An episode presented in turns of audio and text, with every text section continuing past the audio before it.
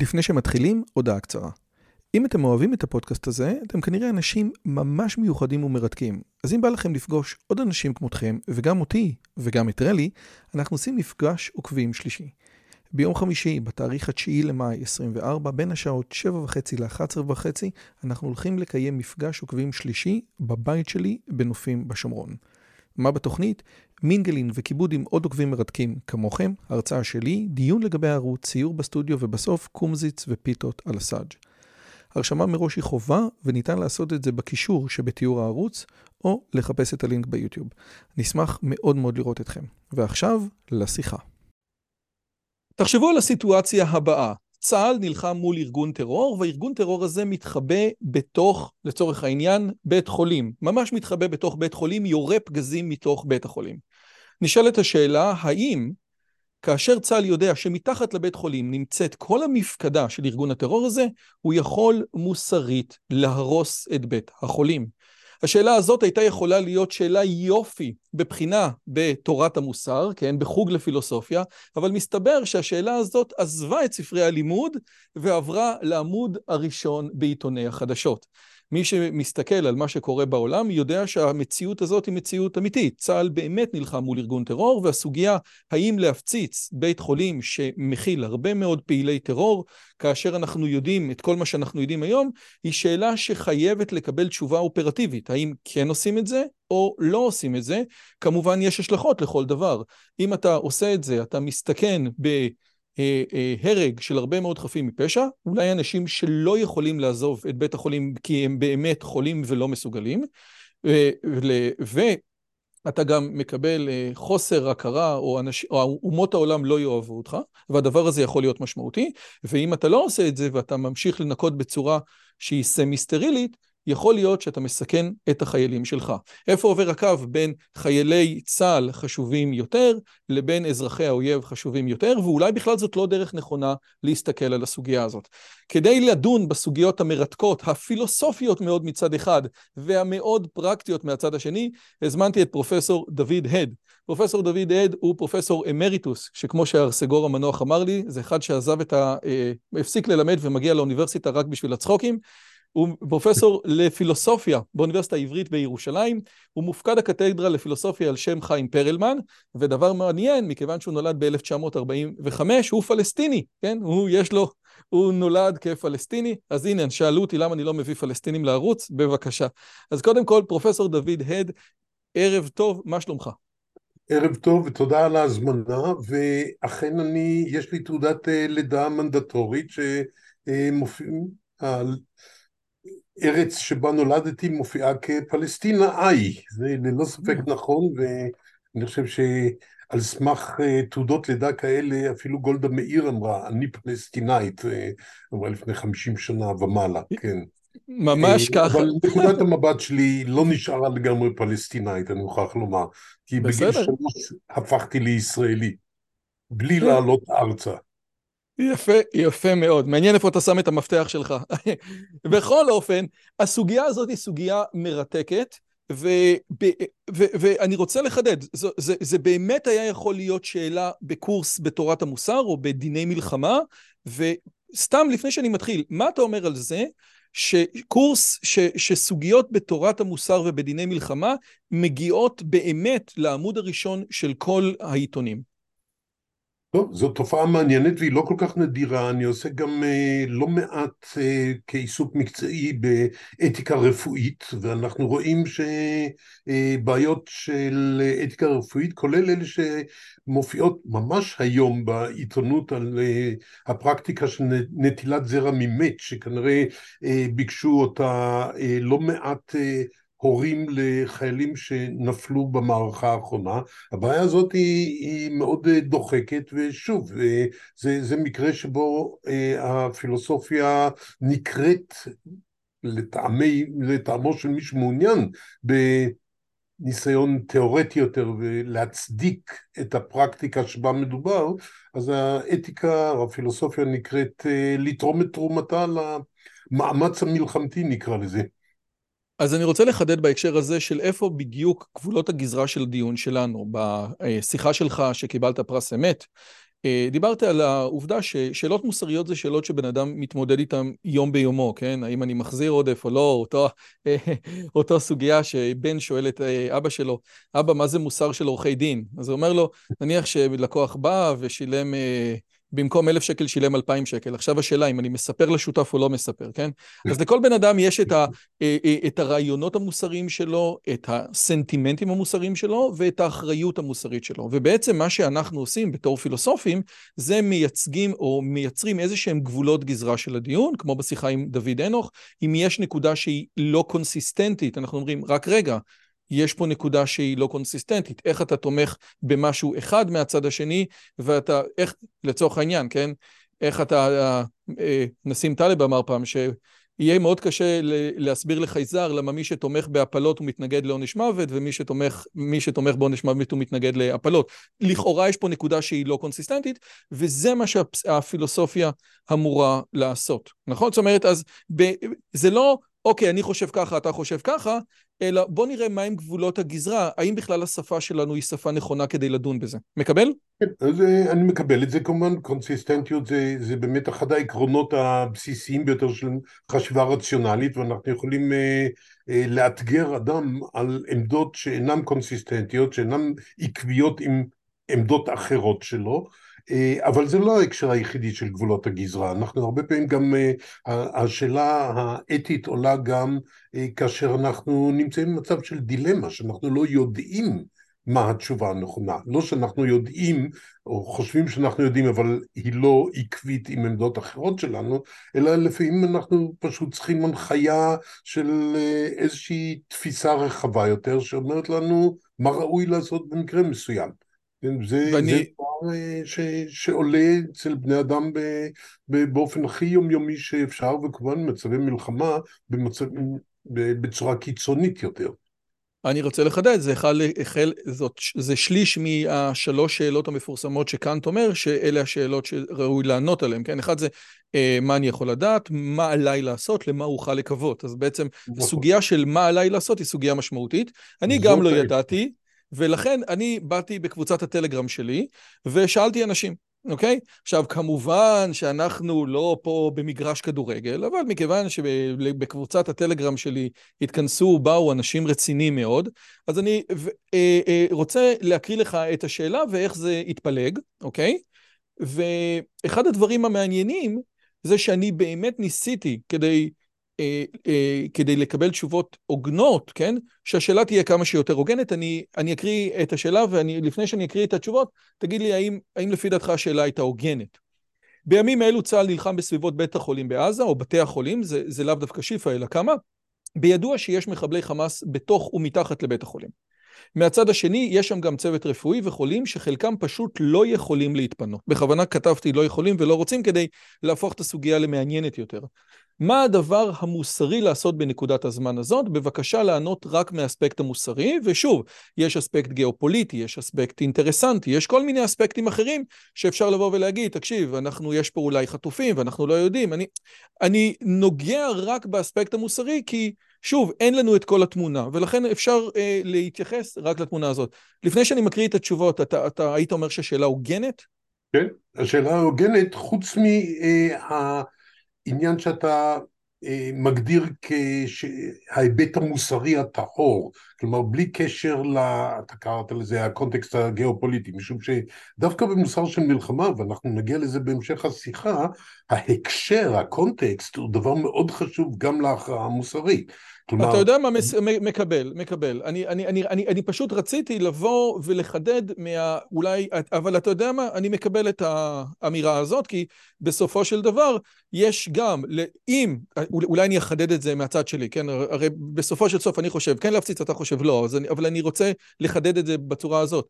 אם בזה שתפציץ אתה תקבל אה, אה, אה, אה, אה, מאומות העולם דרישה להפסיק את הקרב, והדבר הזה לא יאפשר לך להגיע למטרות שלך, וזה לא מוסרי, לא ניתן לא להתחשב בשיקול הזה במסגרת השיקולים. אני חושב שזה מה שאתה אומר, נכון?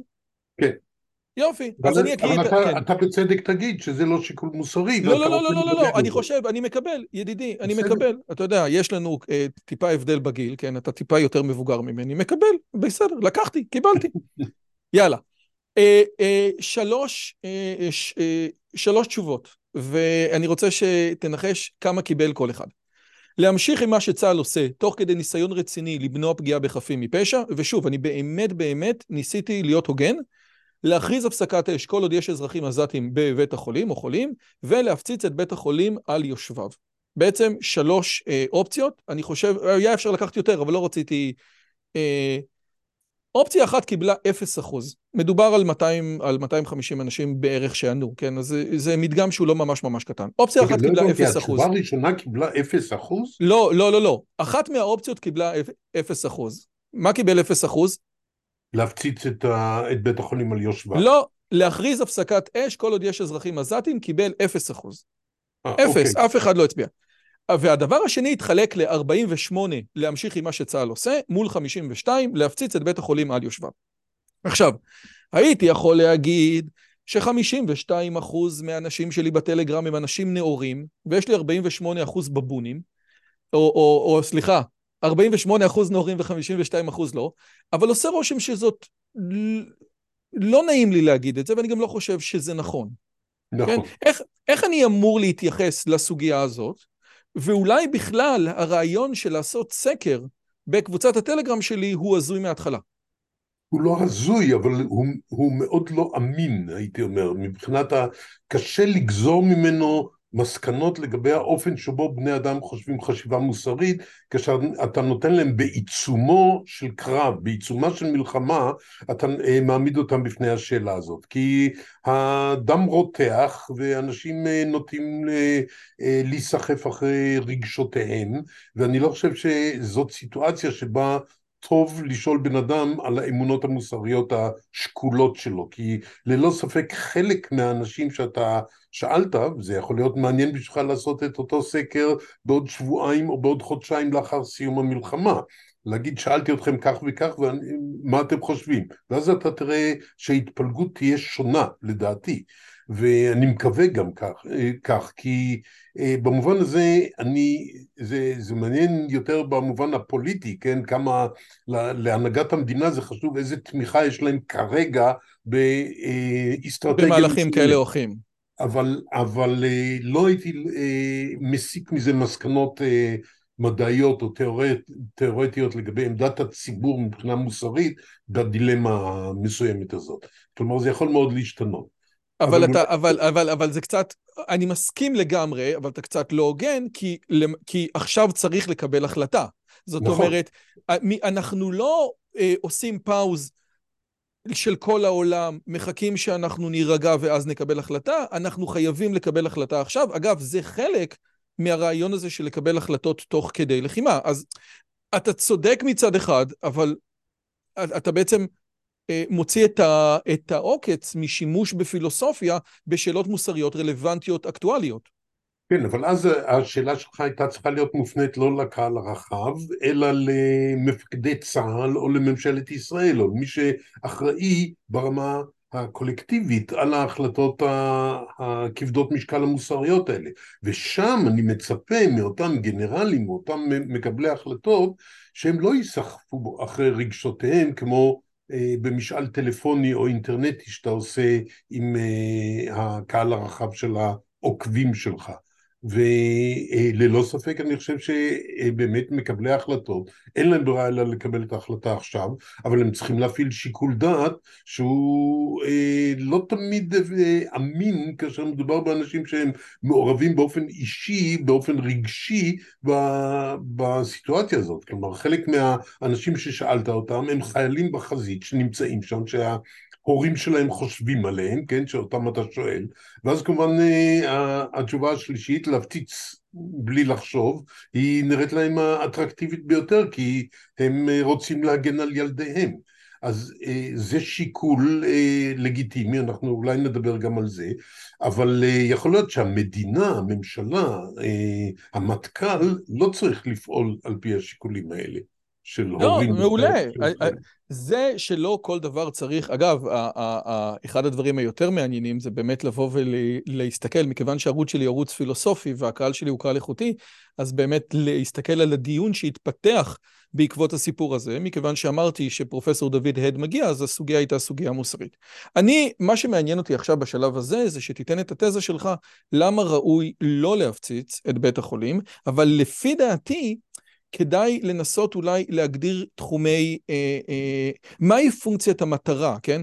אפשר היה להגדיר, לצורך העניין, שהדבר המוסרי ביותר במלחמה זה לסיים אותו כמה שיותר מוקדם, כן? מכיוון שמלחמה זה שבירת כל הכללים, ומכיוון שמלחמה על כורחך מכילה הרג של הרבה מאוד בלתי מעורבים ברמה כזאת או אחרת, וגם, אגב, אני חושב שעזה אני, אני רואה, אני חושב שאין באמת הבדל מהותי בין חמאס ובין עזה, ולמרות זאת, כן, המחבלים של הנוח'בה, כן, שבאו ושחטו, ואותם ילדים שחילקו סוכריות, לא נמצאים באותו מעמד. יש הנאצים ויש עוזריהם, וזה בסדר גמור, כן? אני לא חושב שיש מישהו, או בטל בשישים בעזה שהוא חף מפשע כמו אימא תרזה, זה בוודאי לא, אבל העובדה הזאת היא לא אומר שכולם באו ועשו את זה, כן? זה ברור לי לגמרי. אז כשאתה עכשיו תביא לי איזשהו טיעון מנומק למה לא נכון להפציץ את בית החולים בעזה, איך אני אמור להכיל אותו? לפי מה? לפי... אה, אה, מהם הקריטריונים שלפיו אני אשפוט את הטיעון שלך? טוב, אז אני אדבר על זה, רק אני רוצה לה, להקדים ולומר שאני לא לגמרי מקבל את הטענה שלך שאין אף אדם בעזה שהוא לא נחשב לעוזר של החמאס או של... אה, אני כן.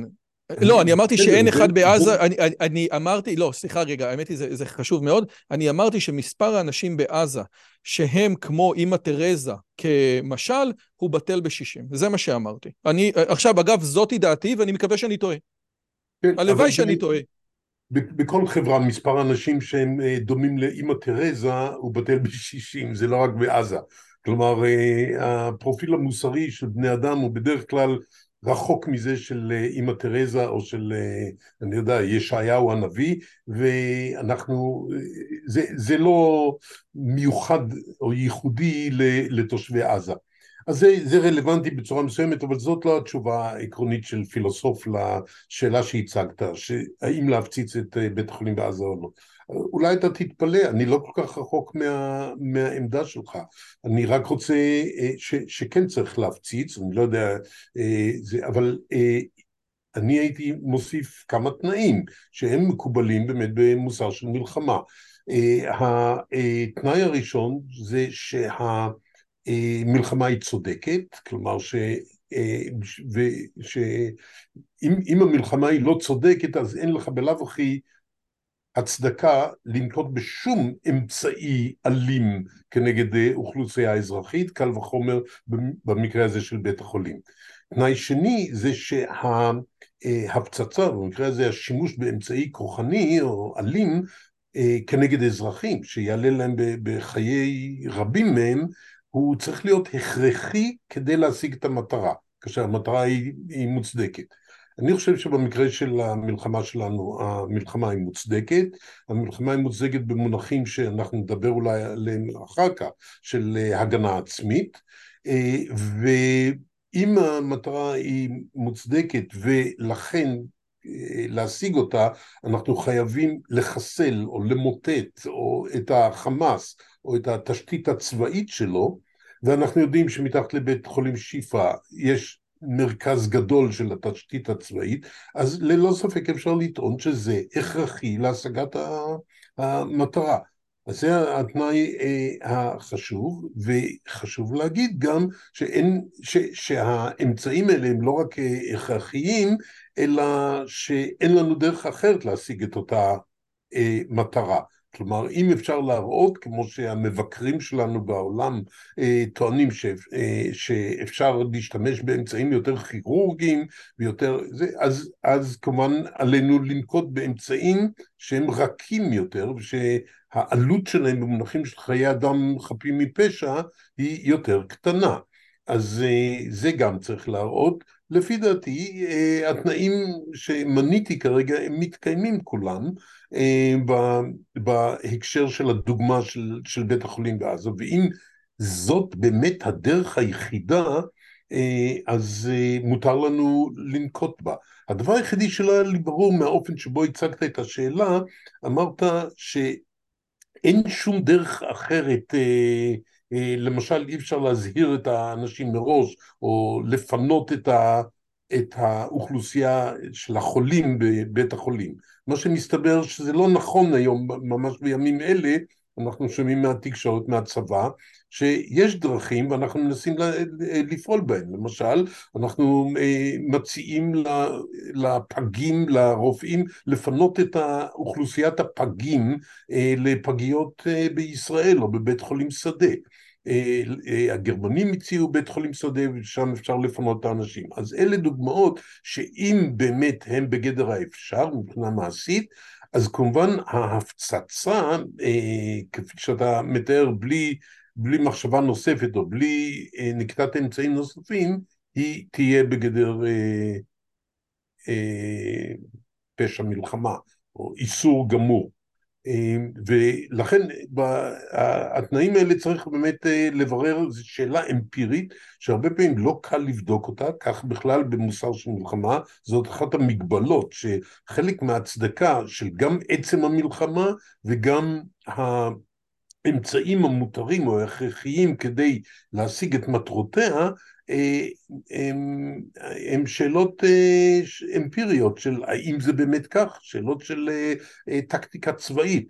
ואני רוצה כאן שוב בהערה פילוסופית לומר שהשיפוטים האלה אם משהו הכרחי או לא הם בעייתיים ביותר, בעיקר בדוגמאות של מלחמה, שהמסלול שלנו לגמרי לא ברור וקשה מאוד לדעת מראש מה הכרחי ומה לא היה הכרחי כדי להשיג את המטרה. והרבה פעמים אנחנו יודעים אם אמצעי מסוים היה הכרחי או לא, רק בדיעבד, ואז כבר מאוחר מדי לעשות את השיפוט המוסרי. אנחנו רק יכולים אה, להתחרט או לפצות את הניזוקים, אבל אנחנו לא יכולים לומר, אנחנו יכולים לומר היינו צריכים לעשות אחרת, אבל עכשיו מאוחר מדי. אז זה, זה צריך להבין שיש כאן הרבה אה, שאלות פתוחות, ומהניסיון שלי של פולמוס עם, בשלושת השבועות האחרונים עם הרבה מלומדים אה, גדולים בתור, בתורה בחוץ לארץ שעוסקים במוסר של מלחמה, בעיקר פילוסופים, גם אנשי משפט בינלאומי וכולי, אה, הטענה שלהם היא ש...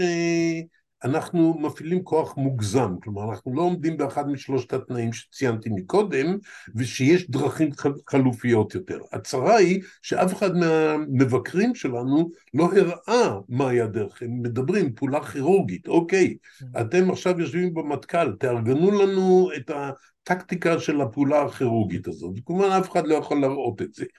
אז אה, לפי דעתי צריך להיזהר גם בביקורת על ישראל במובן שהפעלנו כוח מוגזם, כי לפעמים כוח מוגזם זה פשוט שאלה אמפירית.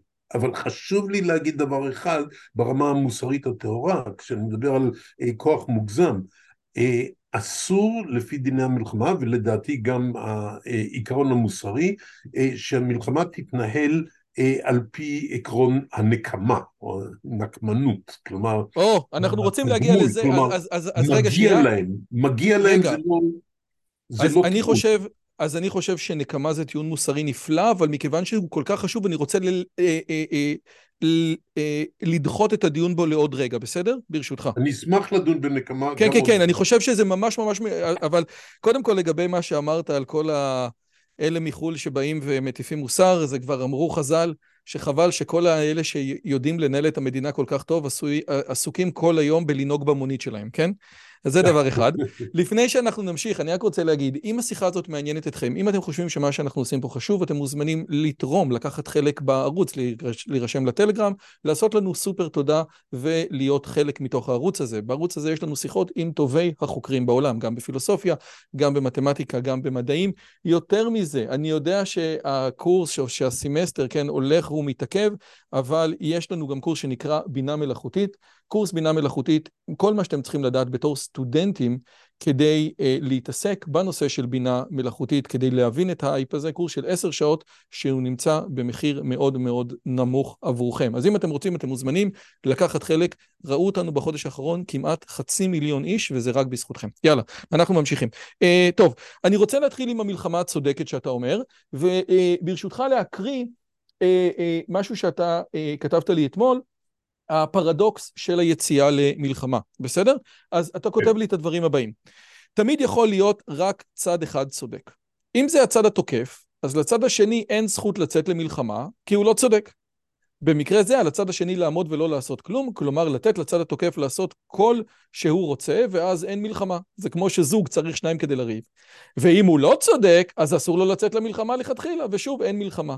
זאת אומרת, בחלק מכל הפרדוקסים המשעשעים, בסופו של דבר הסוגיה של מלחמה צודקת היא סוגיה בעייתית. אתה אומר שהמלחמה היא צודקת, אני חושב שהעובדה שכל הסוציולוגים, כן, שאלפיים סוציולוגים, כמו שניל פרגוסון, חתמו אחרי יומיים שישראל לא בסדר, זה עיוות מוסרי גדול, אבל החברים שלך, וככה אני הגעתי אליהם, אליך, כן, דרך הפטיציה של הפרופסורים למוסר בישראל, שבעצם פונים לפרופסורים למוסר באוניברסיטאות הטובות בעולם, שמבחינתי, כן, זה ערוץ שלי, אני יכול להגיד מה שאני רוצה, מציגים עמדה מושחתת מוסרית, אז הם אומר, אתה אומר המלחמה שלנו צודקת, צודקת במובן הפשוט ביותר, כן? פלשו לתוך שטח המדינה, כן? רצה הגורל ולקחו את, ה, את כל הקיבוצים שהיו הכי בעד השלום, שחטו אותם כמו שלא קרה בהיסטוריה של המאה ה-20, חוץ מבמקומות, חוץ מבגרמניה וביפן, והקולגות שלך, שהם לא פחות, סליחה על, ה, על האמירה הבוטה, אבל מלומדים ממך, מצוטטים ממך, מבינים את המטריה בצורה המושלמת, אומרים, תקשיב, אנחנו רואים את זה אחרת. אז אולי אפילו הנושא של מלחמה צודקת, אתה רואה את זה פה, איך אמרת, אתה פלסטיני, אבל לקחת את הצד הישראלי, ולכן ממה נפשך? אתה, אה, אה, יש לך צד בסכסוך, אז אין לי מה להקשיב לך. ואותם פרופסורים שנמצאים בהרווארד, והסקולר שלהם מלא במאמרים, אומרים המלחמה לא צודקת. אז עוד פעם, זה מחזיר אותנו, סליחה שאני אומר, לסוגיה שלי בטלגרם. אז אתה אומר ככה, אוטר גזוקט, כן? אז דוד אומר ככה, ופרופסור אולי יותר חשוב לפילוסופיה אומר ככה. איך אני בכלל בודק איך המלחמה צודקת, מוסרית, אם המאורות של העולם בתורת המוסר רואים את הדברים אחרת ממני? טוב, אה, זה ברור שבעניין הזה הסמכות, פילוסופים לא מתרגשים מסמכויות בדיון, אם אדם יותר מצוטט או יותר מפורסם. אם אני חושב שאני צודק, וזה אנחנו מכירים גם מהמסורת ישראל, אתה לא נבהל מדרגת הכבוד של הרב שאיתו אתה מתפלמס. והקטנים יכולים להגיד דברים לא פחות צודקים או אמיתיים מאשר הגדולים. בסנהדרין הקטן מתחיל לדבר ראשון. בדיוק, הקטן מתחיל כדי שלא יהיה נתון לסמכותו של הגדול, כי מה שמשחק בסופו של דבר זה הסמכות של, ה... של השכל ו... ושל, ה... ושל כוח השכנוע ולא, ולא של האישיות או המעמד האישי. אז זה, זה רק בסוגריים, אבל אני מסכים, השאלה אם המלחמה היא צודקת או לא, היא, היא שאלה שלא קלה להכרעה, אבל אני חושב שיש מה להתווכח עליה. כלומר, אנחנו טוענים, כשאנחנו באים וטוענים שאחרי אה, שביעי באוקטובר, אה, המלחמה שלנו הפכה למלחמת אה, הגנה עצמית, אני חושב שיש לנו הרבה מה להגיד לטובת הטיעון הזה. אבל אני אהיה ישר ואציג גם את הצד השני. הם אומרים, גם מבחינת הפלסטינאים, הפלישה האיומה שלהם למדינת ישראל, לעוטף עזה, הייתה צודקת, משום שגם הם התגוננו הגנה עצמית. ישראל אה, תוקפת אותם, מדכאת אותם כבר אה, חמישים שנה, אה, למעלה מחמישים שנה מאז 1967. אם לא לפני כן, אה, גזלה את אדמותיהם, גזלה את זכותם להגדרה עצמית לאומית, ועכשיו אה, הם אומרים, אנחנו מקיימים את, ה, את התנאי שדוד ציטט מקודם, שאין לנו ברירה אלא, כן, שזה האמצעי האחרון שיש לנו. כי כל מה שהשתמשנו בסבבים קודמים של אה, השלכת טילים על תל אביב, הסתבר שזה אף פעם לא היה מספיק כדי למוטט את השלטון הציוני או את הכיבוש, את המצור, את הכיבוש של הגדה, כל הטיעונים הפלסטיניים. עכשיו, יש בזה מידה מסוימת של צדק, והשאלה כמה אחורה אנחנו רוצים ללכת. רגע, שנייה, רגע, אבל רגע, שנייה, אני רוצה רגע, כן. אולי, אולי אני, מכיוון שאמרת שגם הקטן יכול לדבר, אז אני בתור קטן גם אני רוצה לדבר, למרות שעשיתי... למרות שעשיתי טעות, נתתי לך בתור הגדול לדבר קודם. אה, קודם כל, אני חושב שהצגת את הנרטיב הפלסטיני המעוות, השקרי והמנוול בצורה טובה מאוד. אני רק רוצה לחדד, מכיוון שכבר דיברנו על זה בכל כך הרבה אספקטים בערוץ קודם, שאש"ף הוקם ב-64 לפני מלחמת ששת הימים. שהוויכוח המפורסם של יעקב הרצוג עם ההיסטוריון ארלון טיובי היה לפני ששת הימים, שכל אה, אה, ההפגנות שיש עכשיו בקיבוצים בצפון לפני המלחמה, שאנשים מגיעים ובעצם רוצים את ה... אה, אה, את האדמות של 48 שהן לא קשורות למלחמה, זה דבר שקיים, וכמובן העובדה שהסמל של מדינת חמאס זה כל מדינת ישראל, ואין שום הבדל באספירציות בין הרשות הפלסטינית ובין חמאס. אז כמובן שכלפי חוץ הם בוודאי מספרים את הסיפור הזה, אבל כל מה שקרה לא קשור, או לא רוצה להגיד לא, לא, לא קשור ל-67, אבל הטענות שהועלו, הועלו לפני 67, זאת דבר אחד, אבל אנחנו לא רוצים להיכנס לזה. אני רוצה להיכנס לתוך הנושא המוסרי. דני אורבך, במאמר מאוד מאוד חשוב, גם במקור ראשון וגם בבלוג שלו, שהוא היסטוריון של המלחמות, כן?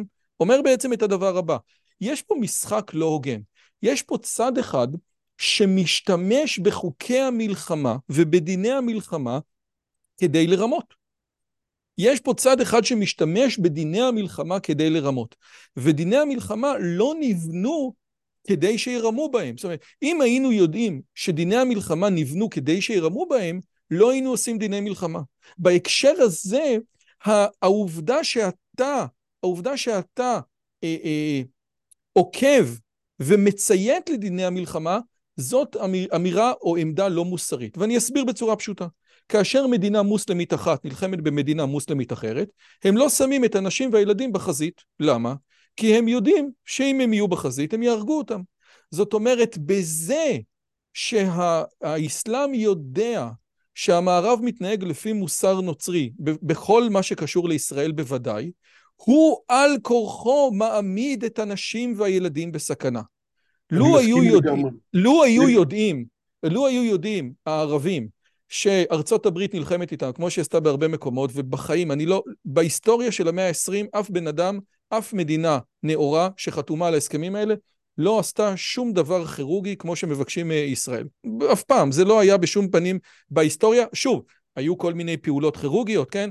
אבל כשארצות הברית הפציצה באפגניסטן והיא חתומה על האמנות האלה, היא שיטחה כפרים שלמים לפני שהמרינס נכנסו, והדברים ידועים וכבר דיברו עליהם הרבה. הנקודה היא הנקודה היא שלו היו יודעים האנשים בעזה שב, שהצד השני לא יחוס עליהם, הם היו בורחים הרבה יותר מהר לדרום. כל מה שאנחנו רואים מהצפון וכל מה שאנחנו רואים מהמון אנשים שלא התפנו לדרום, זה רק בגלל אה, עיוות מוסרי. זאת אומרת, חוסר היכולת שלנו בעצם לעשות את מה שאנחנו צריכים לעשות, מייצר נזק מוסרי במובן הזה שיותר חפים מפשע נהרגים. האינסנטיב שאנחנו נותנים במהלך המלחמה הוא אינסנטיב פסול מוסרית. זאת העמדה שלי. מה אתה אומר עליה? אני, אני מקבל כמעט את uh, כולה, לא לגמרי, תכף אני אגיד מה הסייג, אבל אני מקבל את כולה במובן הזה שמלחמה מודרנית uh, של העשרות שנים האחרונות היא ברובה, ברוב הזירות בעולם, כולל בזירה שלנו, היא מלחמה של מדינה מול ארגון. לא מדינה מול מדינה, אלא מדינה מול ארגון, בדרך כלל ארגון טרוריסטי, או אנחנו מכנים אותו טרוריסטי, כמו דאעש, או כמו אל-קאידה. או, או כמו, סליחה? אל-קאידה למשל. או אל-קאידה, כן, כן. אה, או טליבן באפגניסטן, כלומר כל אלה הם מלחמות שמה שמאפיין אותן זה אי סימטריה, אין סימטריה באופן שבו שני הצדדים אה, אה, משחקים את המשחק. ולכן אני אה, מקדים ואומר תמיד בנושא הזה אנחנו נורא מתפתים לראות את המלחמה במונחים של משחק, המטאפורה של משחקי מלחמה היא מאוד אה, נפוצה, אבל אין דבר רחוק יותר ממשחק מאשר מלחמה, משום שמשחק הוא פעילות אנושית שמה שמאפיין אותה זה שהיא לגמרי ממושטרת על ידי כללים וחוקים, כאשר ההנחה היא ששני הצדדים מקבלים על עצמם את אותם חוקים ו, ואותם כללים, אה, ולעומת מלחמה שהיא שבירת כל הכללים, שהיא ממש אה, אה, ללכת נגד כל הכללים. ו, אז זאת אומרת, האמרה המפורסמת, האמרה המפורסמת שהמלחמה זה ההמשך של הדיפלומטיה, זה משהו שאתה לא מסכים לו. באמצעים אחרים, כן, זה קלאוזוויץ, כן, כן, כן. שהתיאורטיקן של המלחמה. זה, זה נכון, כי בדיפלומטיה אנחנו משחקים לפי כללים. יש לנו הסכמים וחוזים בין מדינות, ואנחנו, בדרך כלל מדינות מכבדות אותם, ואנחנו לא חותמים על הסכמים בינלאומיים עם ארגונים קיקיוניים או טרוריסטים, ולכן כל עוד המלחמה היא משחק בין, מלחמה, בין uh, מדינות, היא יכולה להיות באמת מין משחק שכללי ההוגנות, הפריות, שולטים בו, כאשר אה, כל צד יכול לסמוך על זה שהצד השני דבק בכללים. כי ברגע שאני משחק איתך שח ואתה חורג מהכללים ואתה מרמה אותי או אתה מנצל את העובדה שאני אה, דבק בכללים כדי ב- לרמות אותי כפי שאמרת, כמובן זכית ביתרון, אבל גמרת את המשחק. ברגע זה המשחק נגמר, ברגע זה המשחק נגמר. מה עוד נכון, שאני רוצה לחדד... נכון, ברגע זה המשחק נגמר, ואז מה שנשאר זה כוח. וזה בדיוק מה שהפילוסוף בן המאה ה-17, תומאס הובס, קרא מצב מלחמה. מצב מלחמה, מצב הטבע שהוא קורא לו מצב מלחמה, זה בו כל דאלים גבר. אין כללים ואין חוקים, כי אין מי שיאכוף אותם, כן? אין לנו סמכות שיכולה לאכוף את הכללים, ולכן אני לא יכול לסמוך על החמאס שהוא ישמור על הכללים, כי אם הוא יפר אותם, לא יהיה מישהו שיקרא אותו לסדר, או יכריז על זה שהוא אה, עבר על הכללים, ולכן הפסיד את המשחק. אז ממה נפשך? לכן, נניח אני לוקח את כל מה שאתה אומר, ואני עוד לא ראיתי איזושהי התנגדות למה שאני אומר, אני, אני מקבל נכון. את מה שאתה אומר, אז נניח שאני, איך אומרים, כמו, שב, אה, כמו שבפוקר, אם יצא לך פעם לשחק ירחם השם, אומר, אני לוקח את זה ואני מוסיף עליך, כן? אומר, כן. אוקיי, אז ארגוני טרור ככלל, שהאידיאולוגיה שלהם זה רצח, והם רואים את זה מטרה ולא אמצעי, כמו שהיה לנו בשיחה עם אוריה שביט לאחרונה, אומרים כזה דבר, הם, אי אפשר לעשות איתם כללים, בוודאי שחלק מה, מהאסלאם, חלק מה-DNA האסלאמי הוא בתוך כדי מלחמות ג'יהאד, הוא, הוא לשמור על הכללים ולשמור על החוזים עד כמה שהדבר הזה עוזר לי, לא רק הסכמי חודייביה, אלא בכלל, אם אנחנו מסתכלים על אחת הסיבות שמדינות מוסלמיות מבחינה כלכלית הן כושלות, הרעיון הוא שהסכמים כתובים, חוזים, הם דבר שהעולם המוסלמי מכבד הרבה פחות מהעולם המערבי. אז אם כל הדבר הזה קורה, ואם אנחנו יודעים את זה היסטורית, כן? שכדי שמדינה לא, כדי שארגון אסלאמי לא יפתח איתך במלחמה, הוא צריך להיות משוכנע שלא משתלם לו, לא משנה מה, אוקיי? אז אולי המעשה המוסרי זה פשוט לתת מכה מאוד מאוד כואבת, כדי שלא יהיה מלחמה. עכשיו, זה שאני יכול לרפרנס את מה שאני אומר לדיונים של הנסיך של מקיאוולי, אז תגיד לי, הנסיך של מקיאוולי הוא ציני. אז אני אגיד לך, אני לא מסכים שהנסיך של מקיאוולי הוא ציני. אני חושב שמקיאוולי כתב בכאב לב את הדברים, והוא נגע בנקודה אמיתית. ו, ולכן, לפעמים בזה שאתה אכזר בנקודה מסוימת, אתה מייצר שלום לתקופה הרבה יותר ארוכה. זו תיאוריה שהוכחה במציאות כמה וכמה וכמה פעמים. עובדה שלא ראינו מחבלים שיוצאים מדרזדן אחרי הפצצה. מה תגיד לי על זה? אני, אני אסכים איתך שבפועל באמת אה, יציבות הרבה פעמים אה, בינלאומית מושגת על ידי הפעלת כוח יותר מאשר על ידי אה, מלחמות צודקות במובן ה... כוח המוסלמי. בלתי פרופורציוני, הפגזה על דרזדן, יש כאלה שיגידו, יש כאלה שיגידו שהייתה מעשה ענישה אה, אה, כללי, כן? זאת אומרת, זה שהם הפציצו להם את העיר הזאת, בלצ'יברי, שכחתי... לא, את ה, מה שהם הפציצו כמה שנים קודם, את הבלצ'יברי, איפה, איפה ששמו את כל האניגמות. אז, זאת אומרת, ברור לגמרי אה. שתושבי דרזדן, כן? תושבי דרזדן כ, אה, אה, כאינדיבידואלים, הם לא היו ה... הבעיה של בעלות הברית, ולמרות זאת הדבר הזה, בין היתר הוא אחד, הוא אחד מהנקודות שסיים את מלחמת העולם השנייה. רועי, מאחר ואנחנו מדברים על אה, מלחמות צודקות ועל אתיקה, אז אני רוצה בכל זאת אה, להגן על מבקרי ההפצצה של דרזדן, כי כנראה כל ההיסטוריונים הצבאיים מודים אחרי, אחרי מלחמת העולם השנייה שזה לא היה אמצעי הכרחי, ולכן אנחנו מגיעים כאן לעניין של הנקמה. גם, גם, ה, ה, גם הפצצת אטום השנייה לא הייתה הכרחית. יכול לא להיות. לא הראשונה. יש השנייה. כאלה שאומרים שנכון, מאחר והם היו נכנעים בכל מקרה, אז uh, יכול להיות שהשנייה, אם כי נתנו להם כמה ימים והם לא נכנעו.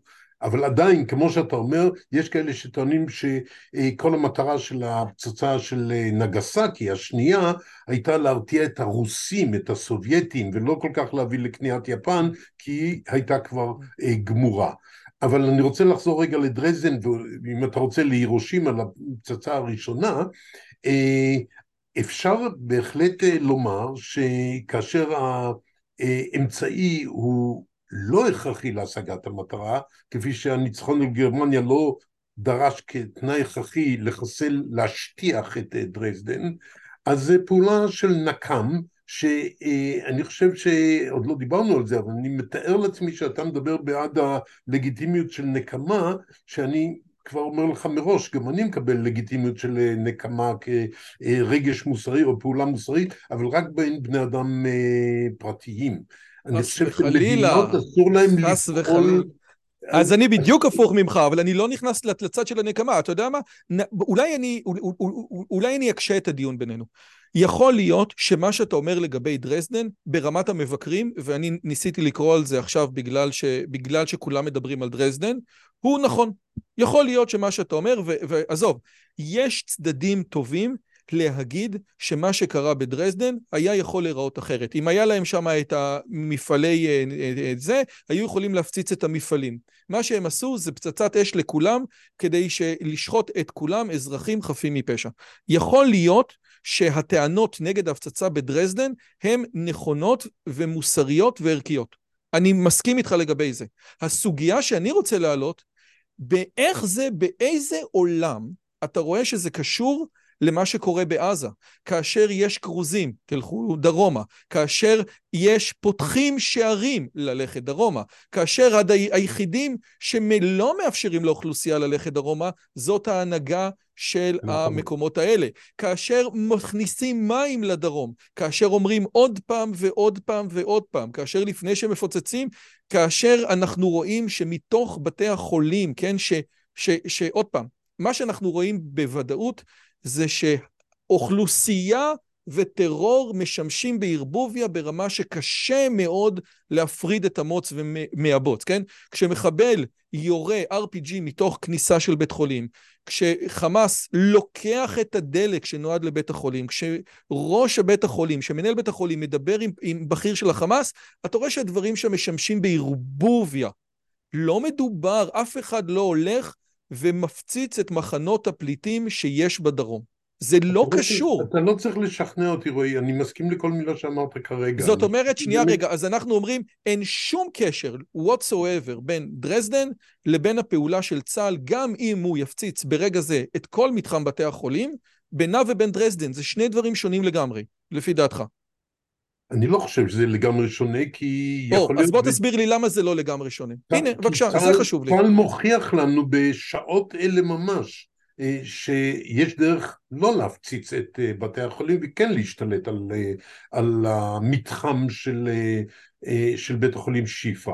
כלומר, הוא כן מוכיח לנו שזה... לגמרי, אפשר... ואני חושב שזאת אמירה לא מוסרית, כי בזה שהוא עושה את זה, הוא מסכן לחינם את החיילי צה"ל שלנו, והוא שם אותם... כן. חי... להיות חייל זה דבר מסוכן אפריורי. כלומר, אה, חייל צריך להביא בחשבון שהוא ייהרג, ובעיקר המדינה ששולחת אותו צריכה להביא בחשבון שהוא ייהרג, בתנאים אלה או בתנאים אחרים. וזה אחד התנאים שלפי דעתי היא יכולה להגיד שמוצדק שהוא אה, לסכן את חייו, זה כדי למנוע מוות של אה, תינוקות בפגייה בבית חולים שאפשר להיכנס לשם ולקחת בכוח את הפגיות אם הרופאים לא נותנים ולהעביר אותם למקום מבטחים בלי להפציץ את מחלקת הפגים. ואם אה, הדבר, רגע, במובן ו- הזה, אפילו אם, אם חייל או שניים ייפגעו, אז כאן אה, מתחילה הבעיה של הפרופורציונליות, המידתיות, כמה אתה מוכן מהחיילים שלך להקריב, אבל עקרונית להגיד שאתה לא מוכן להקריב אף חייל מכוחותינו כדי למנוע קטסטרופה מוסרית, של הרג אה, מסיבי של חפים מפשע, אז יש מרחק, ובזה אני חושב שאנחנו לא מסכימים. לא, אז אה, רגע, אני רגע, אני רוצה, יש פה איזה נקודה שאמרת שאני כן מוכן לחדד אותך, כאילו ש, שאני כן מוכן ללכת לקראתך. אתה אומר, הרי בסופו של דבר, בסופו של דבר, אה, אה, אה, אה, אה, לקחת את הטיעון שלך, זאת אומרת שלי, של רועי, לקצה, זה לבוא ולהגיד, אני לא מוכן שאף חייל יהיה אפילו בסיכון, בוא תשטיח את המקום, כן? בוא תשטיח את המקום, נקודה. בסופו, אגב, שזאת הייתה יכולה להיות, אה, זה, זה טיעון מעניין, אני, אפילו אני לא חושב עליו, כן? מש, מתוך איזושהי ידיעה ברורה שהדבר הזה קיים, ולכן בעצם מה ש... אני מקבל את מה שאתה אומר, שמלחמה מכילה איזשהו אלמנט של סיכון. איזשהו אלמנט של סיכון. וכדי ל... קודם כל, כל מי שנלחם בחמאס הוא בן מוות מבחינתי. אני חושב שזה, אגב, יש איזה קונצנזוס מאוד מאוד גדול היום אה, אה, ב- ב- במקומות שאני מסתובב, אבל אני חושב שמחבלי החמאס ולוחמי החמאס, איך שלא תרצה לקרוא להם, הם בני מוות, ולכן ה- ה- השאלה שלי, איפה, איפה עובר הקו שאתה אומר, אנשים, בבקשה תתפנו. אתה יודע מה, נניח שהפגייה היא, היא, היא שמה אותי בנקודה בעייתית, כן? אבל בסדר, אז, אז, אז, אז אני אסיט את הדיון למקום אחר, בסדר? אוקיי, אני אסיט את הדיון למקום אחר. אה, למרות ששוב, אני, אני גם הולך על הכיוון הזה.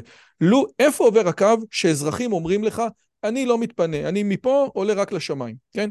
האם כאשר אזרח אומר כזה דבר, האם כאשר אזרח אומר כזה דבר, הוא בעצם, דה פקטו, אחרי שנתת לו אפשרות להתפנות, הפך להיות חלק מהאויב, ואז יש עליו את הדינים כן, של האויב. התשובה, התשובה היא כן, ולכן הקש בגג נראה לי מדיניות נכונה מבחינה מוסרית. כלומר, אתה נותן לאנשים את האפשרות ללכת, אם מישהו בהתרסה או, או מסיבות אחרות אומר, אני לא הולך, אז אתה אומר, זה, אני הודעתי לו שאני הולך להוריד את הבניין הזה, ועכשיו הוא יודע שהוא ייהרג יחד עם ה... ויישאר קבור מתחת להריסות. כלומר, מעולה. אין מה לעשות. אם אני באמת אבל- צריך את הבניין הזה להוריד, אז אין לי ברירה. אבל ברור לגמרי, אז בסדר, אז עכשיו אנחנו, אז הוויכוח בינינו, אתה אומר הקש בגג של בניין ואני אומר הקש בגג של שכונה, זה, זה בעצם ה, ה, ה, הוויכוח, הרי ברור לגמרי שאם יש מחבל והקשת לו בגג אז הוא יברח משם, כן? ואז לא עשית את מה שרצית. במידה מסוימת זה נכון גם לגבי הקש בשכונה, וזה לכן אני, ב, אני לא חושב שהמדיניות של צה"ל ל, ל, לדחוק את האוכלוסייה מהצפון לדרום היא לא מוצדקת מבחינה מוסרית. גם כאן האם יש, עם- האם יש עם חיים, הקולגות שלי בחוץ לארץ, אני חושב שזה בסדר גמור, כי על ידי כך אנחנו מצילים חיים של רבים מאוד מהם. כן, אה, אה, זה מחזיר אותנו לסרט מיינורטי ריפורט, רבים מאוד מהם שבהסתברות יהיו במקומות מסוימים, אבל אסור לנו אולי לעשות את החישובים האלה, אבל בוא באמת נחזור לסוגיית הפגים, שאולי סוגיה שקשה לי יותר. ומכיוון שאתה נמצא בביואתיקה, אני רוצה לשאול, האם יש חיים שהם... מה מצית, כן, באותו דיון מפורסם של רבי עקיבא ובן פטורה, כן? באיזשהו מקום, כאשר יש את החיים שלך או את החיים של החבר, אם אני מבין נכון, בהקשר הזה אתה אומר שהחיים של החייל שווים, אני מנסה לנסח את זה נורא לא, בזהירות, לא, אני, אז, אני אז, אז אשיב כן, לך מיד, כי, כי כתבתי מאמר על הפרשה של שניים מהלכים בדרך, בדיוק על הוויכוח בין רבי עקיבא לבין פטורה. ויש כאלה אני- שאומרים שבן בתורה זה ישו, וזאת בעצם נכון, התפיסה הנוצרית. בפטרוס, פטרוס, נכון. כן, הוא- אז השאלה הוא- היא כזאת, האם, האם לפי דעתך, ואני אומר את זה במלוא אני הזהירות, יחד עם אני- רבי עקיבא, חד משמעית, ואני מפ- מפרש את זה כשחיי קודמים, ואני מפרש חיי חייל קודמים לחיי פג בבית החולים בעזה? אה, כן, כאשר... זאת השאלה שלי, לא- כי לא- הוא חייל, כי הוא חייל. לא כי הוא חייל, אלא כי הוא אחד משלנו. כלומר, אם זה היה פג שלנו מול פג שלהם, בוודאי זה היה קל וחומר שהפג שלנו קודם. אבל אני גם אה, מדבר על אה, חיים של אזרחי מדינת ישראל, של חלקם הם חיילים. אבל אני חושב שכשאנחנו, זאת, זאת גישה כללית שלי במוסר של מלחמה. אני לא חושב שאנחנו, אה, הצדדים יכולים, אפשר לצפות מהצדדים להיות נייטרלים בין אנחנו לבינם. כלומר, הקדימות שאנחנו נותנים זה לא סתם לעניי עירך, אלא לחיי העירך. כלומר, לחיים של אנשים ש... אה, המדינה, ההנחה היא שהמלחמה היא חובה של המדינה להגן על אזרחיה. ועכשיו, הגנה על אזרחיה כוללת גם הגנה על חייליה. ואם יש מצב של חייל שלנו מול חייל שלהם, או חייל שלנו מול חמישה חיילים שלכם, אה, של, של הצד השני, אז אנחנו צריכים להעדיף את החייל שלנו. אני, אני איתך בעניין הזה לחלוטין. אז מה עם הפג? ואם יש מצב של חייל שלנו מול פג שלהם? הרי, הרי ברור, הרי, הרי אני, אני, קשה מאוד להגיד את זה, אבל חלק מהסיבה שיש אה, אנטי מאוד גדול בציבוריות הישראלית היום להפסקת אש, אני חושב שזה ברור, זה המקרה המצער של הדר גולדין. זאת אומרת שהדר גולדין, תוך כדי הפסקת אש, הנבלות הנאצים באו וביטלו את הפסקת האש והרגו אותו וחטפו אותו. זאת אומרת, מכיוון שאתה לא יכול לסמוך עליהם, אז, אז, אז, אז, זאת אומרת, לו, לולא היה, לולא היה constant reminder כזה של, חבר'ה, בהפסקת האש הקודמת היה הדר גולדין. לולא ה constant reminder הזה, יכול להיות שצדדים יותר ליברליים היו הולכים לכיוון של הפסקת אש. אתה מבין? כן, אז השאלה שלי, ש... כן.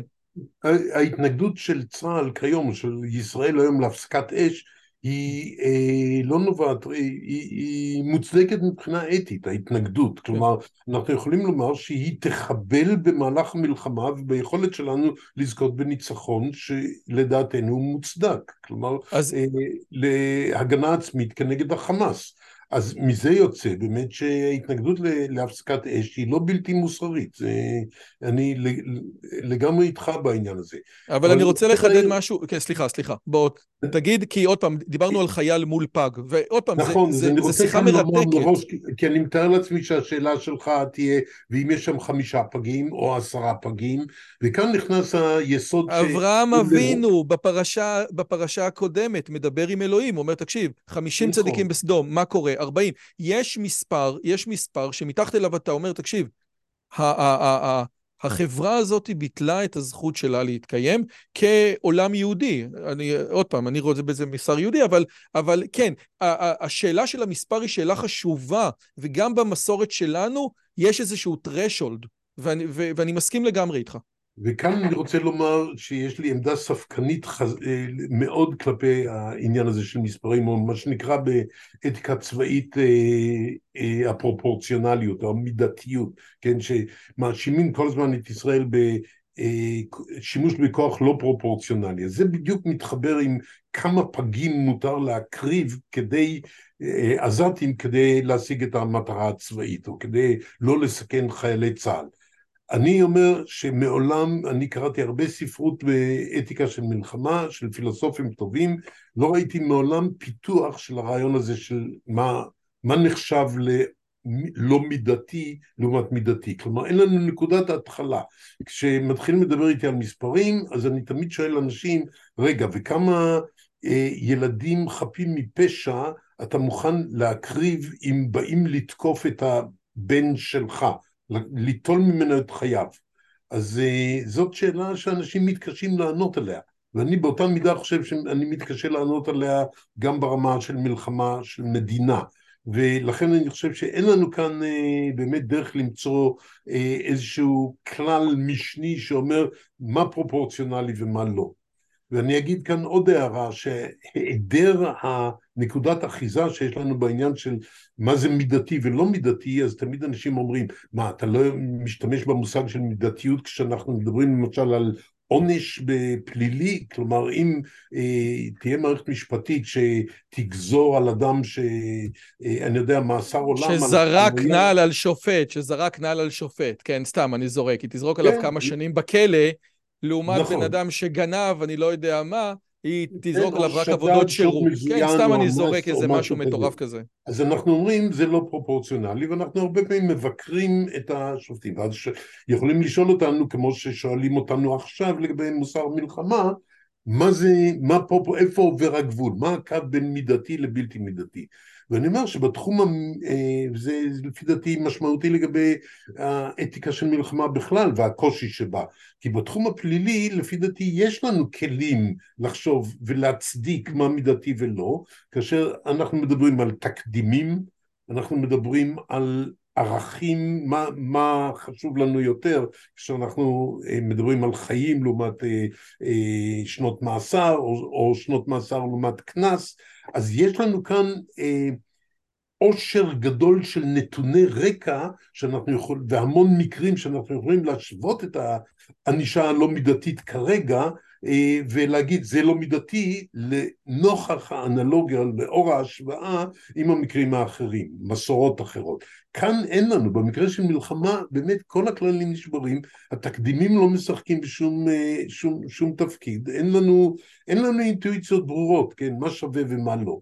אז יכול להיות שבאמת בשביל להציל את הבן שלך, אתה לא תסכים להפיל אה, פצצת אטום על מנהטן, אני יודע, להרוג שמונה מיליון איש בשנייה.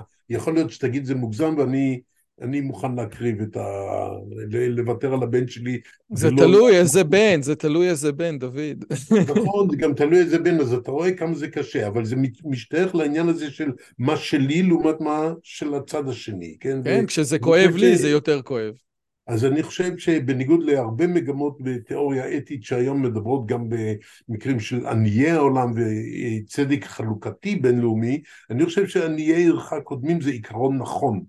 והוא חל אז... גם על אה, מוסר של מלחמה. אז הייתי שמח אה, להגיד לך ב, ב, ב, בהקשר הזה, מכיוון שדיברתי עם לא מעט אנשים, את הנושא המידתי, מה הטייק שלי, והייתי שמח כפילוסוף של המוסר, שיתעסק גם במלחמה, שתגיד לי איך אתה רואה את מה שאני אה, רואה. קודם כל, הדבר הראשון זה שזה איום ונורא לעשות body count, כן? זאת אומרת, כמו שאומרים, נכון. לנו מתו ככה ולהם מתו ככה. קודם כל, אה, והייתה פה, והייתה אה, אה, מומחית לדיני מלחמה, היא אמרה בשום בשום סעיף של דיני המלחמה, פרופורציונליות לא באה לידי ביטוי בכמה הרגת לעומת כמה נהרגו. נכון. זה לא קיים. פרופורציונליות רק אומר, האם כדי להשיג את המטרות שאתה צריך, נכון אתה, האם היית יכול להשיג את המטרות שאתה צריך בדרך אחרת? בצורה משמעותית, זה הכל. וספירת גופות מעולם לא באה לידי ביטוי ב, אה, ב, ב, בעולמות המידתיות בדיני המלחמה. זה קודם כל. הדבר נכון. השני, הדבר השני זה ש... וזה רעיון של מניס פרידמן, שאני מאוד אהבתי אותו. הדבר המרכזי הכי מוסרי לעשות במלחמה, זה לסיים אותה כמה שיותר מהר. לו יצויר, כן, שב-12 אלף הרוגים בעזה לא סיימת אותה, וב-14 אלף הרוגים אתה כן תסיים אותה, ואז הם יפחדו ויהיה שלום, אם אתה תסיים בלי הפסקה, כאילו בלי הסכם שלום או הסכם כניעה ב-12 אלף הרוגים, זה דבר לא מוסרי, כי 12 אלף איש נהרגו לחינם.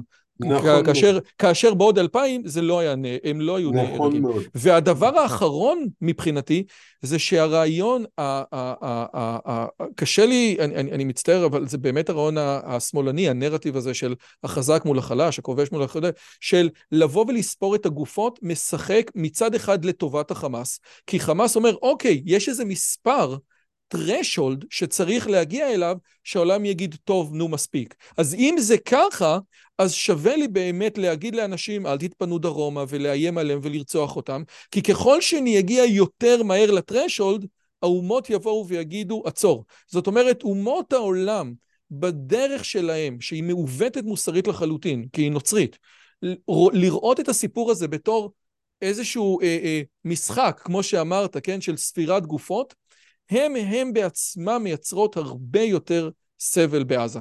את, ה, את, ה, את השלושה נקודות האלה, אתה, את השלוש נקודות האלה אתה מקבל? אני מסכים לגמרי, וזה נובע באמת מהמצב האסימטרי, כמו שדיברנו עליו מקודם, של אה, מדינה מול ארגון, של מדינה שכבולה בשיקולים רציונליים ואתיים ואמנות בינלאומיות, לבין אה, גוף שממש לא אכפת לו מהאנשים, שהוא פועל באופן בלתי מוסרי מלכתחילה, משום שבניגוד למדינה שנוטלת על עצמה את החובה להגן על אזרחיה, זה מלחמת הגנה עצמית, אז הארגון הזה יש לו מטרות שונות מאשר להגן על האזרחים שלו, ולא כל כך אכפת לו אה, להגן על האזרחים שלו, זה בלתי לא, זה לא מעניין. בתחילה. האם היית גם רואה בזה איזשהו ויכוח או דיון או מלחמה בין מוסר נוצרי למוסר יהודי, או שאתה אומר, יכול להיות אם אני הולך אחורה, אבל, אבל התודעה היא לא כזאת.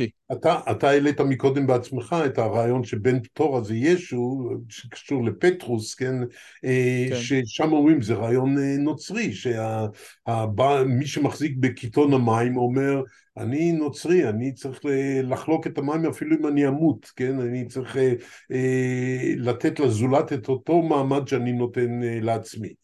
ואת המאמר הזה שכתבתי, אני מכנה החיים קודמים למוסר, כלומר, שרבי עקיבא אומר, אני, אה, אה, קודם כל, אם אני לא אהיה חי, אז אין עיקרון מוסרי, כן, המוסר מתחיל כן. לפעול רק לאחר שאני יכול להבטיח את חיי, וזה הרעיון של אה, הגנה עצמית, שהחיים... אז, לא... אז, אז לו יצויר שהייתי המנחה שלך בדוקטורט, ואני לא, כן? אבל מה אכפת לי? תראה איזה קטן ושחצן. אני אעשה עוד דוקטורט, בסדר. לא, לו יצויר שהייתי המנחה שלך בדוקטורט, לא הייתי אומר החיים קודמים למוסר, כי זה אחד הדברים שהיום אומרים. עכשיו אין זמן להיות מוסרי, צריכים אה, אה, להילחם.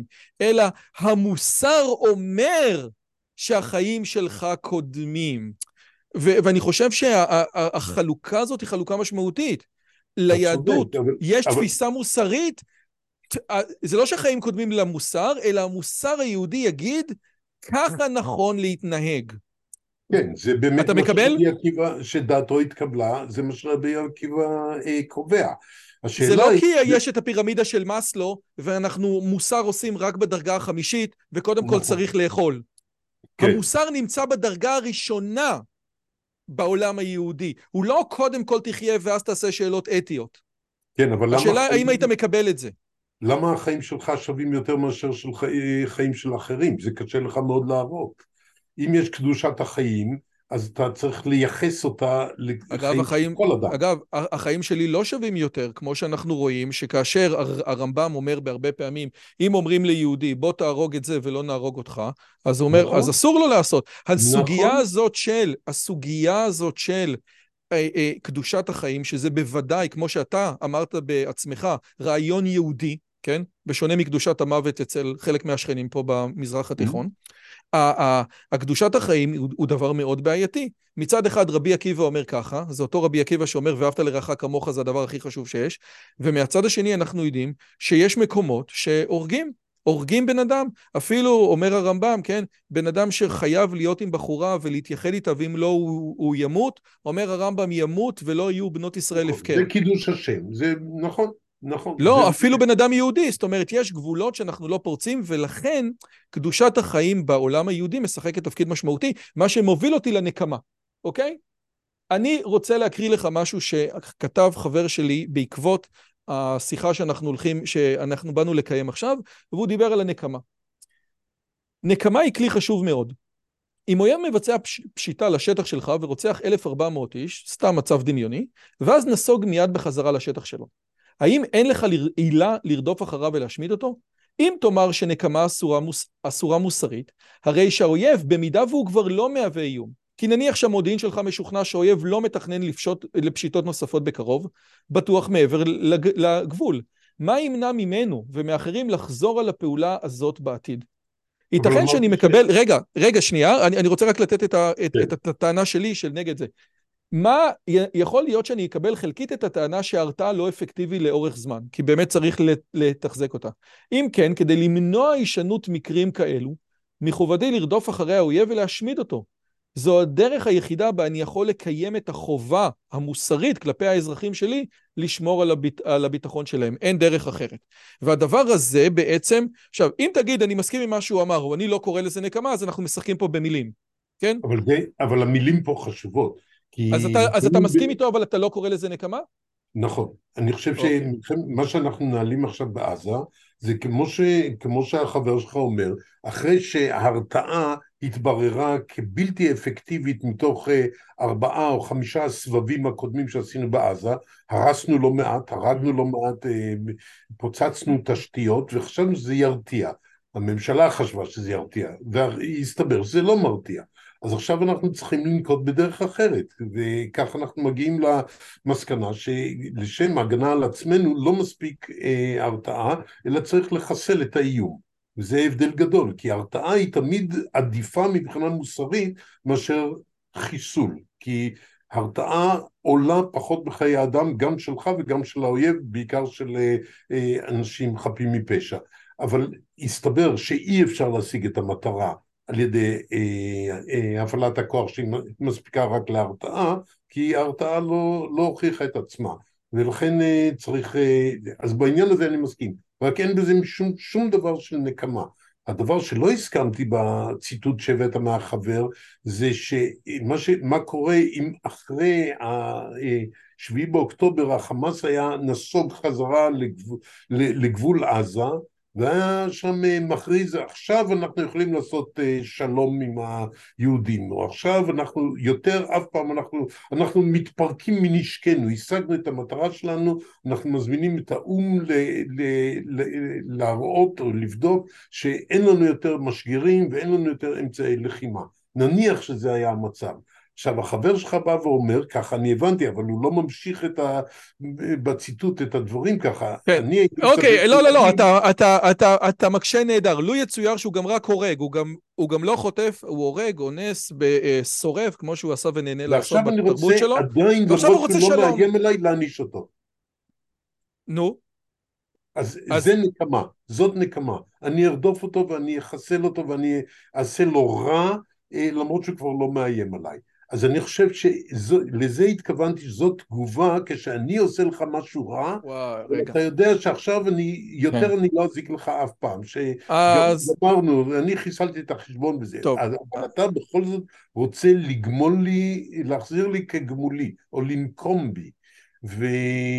אז זה אני יכול להבין ברמה הפסיכולוגית והמוסרית, אני לא מקבל את זה ברמה המדינית. או, oh, מעולה. אז רגע, אז אני רוצה רגע, לפני שאנחנו מתווכחים וצועקים, לעשות ריקאפ למה שאמרת כדי לראות שאני מבין אותו, בגלל שיכול להיות שהדברים האלה, זאת אומרת, מצד אחד אמרתי, טוב, הוא, הוא מסכים איתי לגבי כל דבר, ואז עברת לי את הטענה האחרונה שלך, אמרתי, אלוהים יעזור, איזה תהום פעורה בינינו, אז בוא רגע, אני אחזור על מה שאמרת ונראה עד כמה אנחנו מסכימים.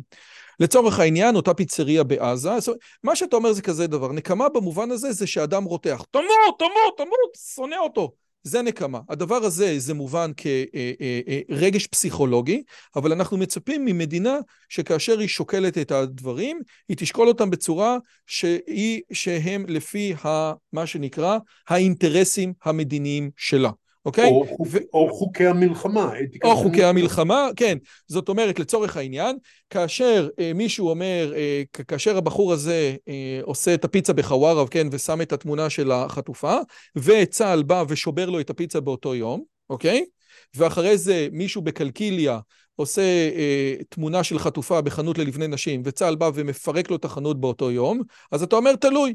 אם מי שעשה את זה, אם מי שעשה את זה, זה מתנחלים חמומי מוח מיצהר, אני יכול להבין, אני יכול להבין, אבל הם צריכים להיענש. אגב, המדינה לא מרשה נקמה פרטית, כאילו נכון, הקונספט של נכון, נקמת דם נכון. זה דבר, אבל אני יכול להבין פסיכולוגית את המהלך הזה, אבל אני, אה, אה, אה, אבל אני לא מבין.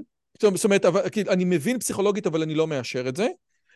אבל אם המדינה, אם ההחלטות האלה מתקבלות מתוך רתיחת הדמים, כן, זאת אומרת, אם מי שקיבל את ההחלטה, הדופק שלו היה ב-180, הדבר הזה חמור מאוד.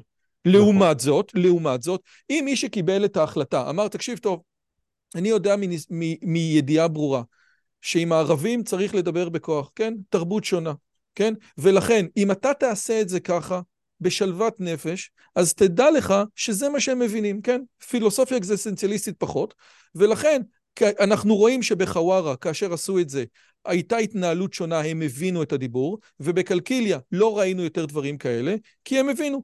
ולכן אני עושה את זה כדי לקדם את האינטרסים שלי, ו- ואת זה אני עושה מתוך חשיבה שקולה ורצינית. והייתי מצפה שכאשר מדינה הולכת למסע של קאמבק, כן, או, או סוג של נקמה, היא תעשה את זה בלי רתיחת הדמים, מכיוון שהדבר הזה הוא בעייתי ויש פה סליפרי סלופ. עד כאן, זה מה שאתה אומר, נכון?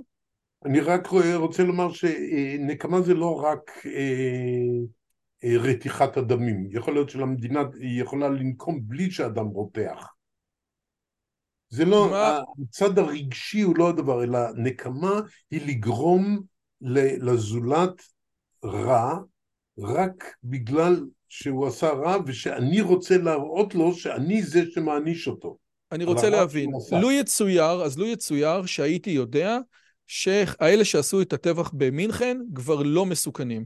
אם הייתי יודע שאייכמן לא עושה שום דבר ב- ברחוב גריבלדי, רק אה, אה, אוסף בולים, כן? זאת אומרת, הוא כבר לא מסוכן.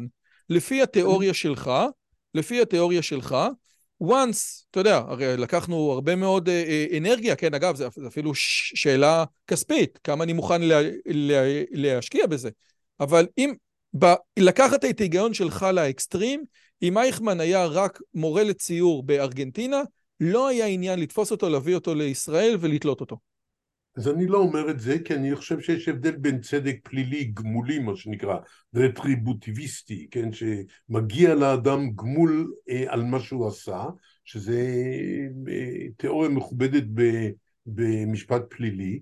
אני לא רוצה להתנגד לזה באופן כללי, אבל אה, עדיין, אנחנו ניסינו לפעול את הפעולה אה, המשפטית עם אייכמן, אנחנו לא לקחנו אותו בארגנטינה כשהמוסד תפס אותו אה, אה, הבאנו אותו לאיזה סד עינויים ליומיים ואז הרגנו אותו. זה היה יכול להיות נקמה. נכון? לא, זה לא הוגן, תקשיב, אתה לא הוגן עכשיו. אנחנו הבאנו הביא... אותו לארץ בשביל... זה היה משפט לה... ראווה. זה... לא. שנייה. הם, הם לא הביאו אותו... רגע, שנייה. לא, ש... תקשיב, זה קצת לא הוגן, סליחה שאני אומר לך את זה. זה באמת נכון שלא עשו לו סד עינויים וחבל, אני מסכים לגמרי. אבל לבוא ולהגיד, הבאנו אותו רק כדי לראות מה... הביאו אותו כמשפט ראווה שפעם ראשונה בעולם פורסם וצולם ושודר. זה היה, אתה רואה את האספירציות של בן גוריון לסיפור הזה, זה לא היה, בוא נראה מה, מה הצדק יגיד. רצו לעשות משהו אחר. אתה, אתה מקבל את זה? יש ויכוח גדול על אה, משפט אייכמן, אני יודע שהרבה אמרו שזה לא היה משפט אה, הוגן בכלל, כי זה היה משפט ראווה, אבל יש, יש תשובות לזה, אני גם לא, אני לא מסכים שזה היה רק משפט ראווה, משום שאני אה, חושב שהשופטים, אפילו חנה ארנדט אמרה, בהערכה רבה לשופט לנדאו ולחברים בהרכב, שהם ניסו לנהל משפט הוגן עד כמה שאפשר. כלומר, אין סתירה בהכרח בין הכוונה של בן גוריון להפוך את זה למשפט שיביא את התוצאות של השואה ואת מוראות השואה בפני העולם אה, עם הרווח הפוליטי שיכול להיות אה, לישראל מזה, לבין הגישה של, של שופטי בית המשפט וההליכה שלהם לפי כללי המשפט, דיני הראיות, העדות. ולכבד אותו, ולכבד אותו בצורה כן, בלתי רגילה. כן, מי שרואה כן, את הדיבור, כיבדו אותו. כלומר, זאת לא צורה של נקמה. משפט אייכמן זה לא נקמה באייכמן. אולי זאת. נקמה במדינה. אה, רגע, אבל. טבח הספורטאים במינכן, כן? זאת אומרת, ישראל הולך, יש את הכיוון הזה של, יש יחידות במוסד שעניינם אתה יודע, לפי וויקיפדיה נקמה. אני חושב שהכוונה של גולדה הייתה למען יראו וייראו, כלומר זה ללא ספק היה ניסיון להביא להרתעה, וכך גם אה, אה, דיברנו בממסד הביטחוני הישראלי, ש, שידע כל אדם שזומם מעשה טרור אה, על ישראל, שדמו בראשו, גם עכשיו עם עזה אנחנו מדברים ככה. אז עכשיו אני חוזר איתך למה שאמרת של החמאס. מה? אז עכשיו אני חוזר למה שאמרת, לו החמאס היה רק הולך ושוחט וחוזר ואומר הכל בסדר, ואני רוצה לעשות שלום, אז הייתי יכול לבוא ולהתנהל איתך בצורה הבאה. אני חושב שיש עניין, כן, לבאר את הרע מן העולם, ושמיש, ושמישהו עושה דבר רע, יש איזשהו צדק שמדינת ישראל או שהעולם צריך לבוא ולהגיד, זה לא יהיה, כן? מאיר הר ציון, כן, אני רוצה לחדד שהיום בוודאי היה נתפס כ... אה, כהזוי פוליטי קיצוני פשיסט, הוא אחד מגיבורי מגיבורי צה"ל לדורותיהם, וחלק ממה שהם עשו זה נקמה, יחידה נכון. 101 המפורסמת, ויכול להיות נכון. שלולא היחידה הזאת ההתנהלות המדינית הייתה אחרת, אבל, אבל, אבל, ואני חושב שיש עניין מהותי מוסרי אה, אה, להחזיר לבן אדם כגמולו ברמות מסוימות, כי באמת לאייכמן אי אפשר להחזיר כגמולו. אבל לו יצויר לו יצויר שאני אומר, אני לוקח את הדעה שלך, ואני לא. אגב, גם אם החמאס היה מתפרק מנשקו, היינו צריכים להעניש אותו, לפי מה שאתה אומר, למען יראו וייראו.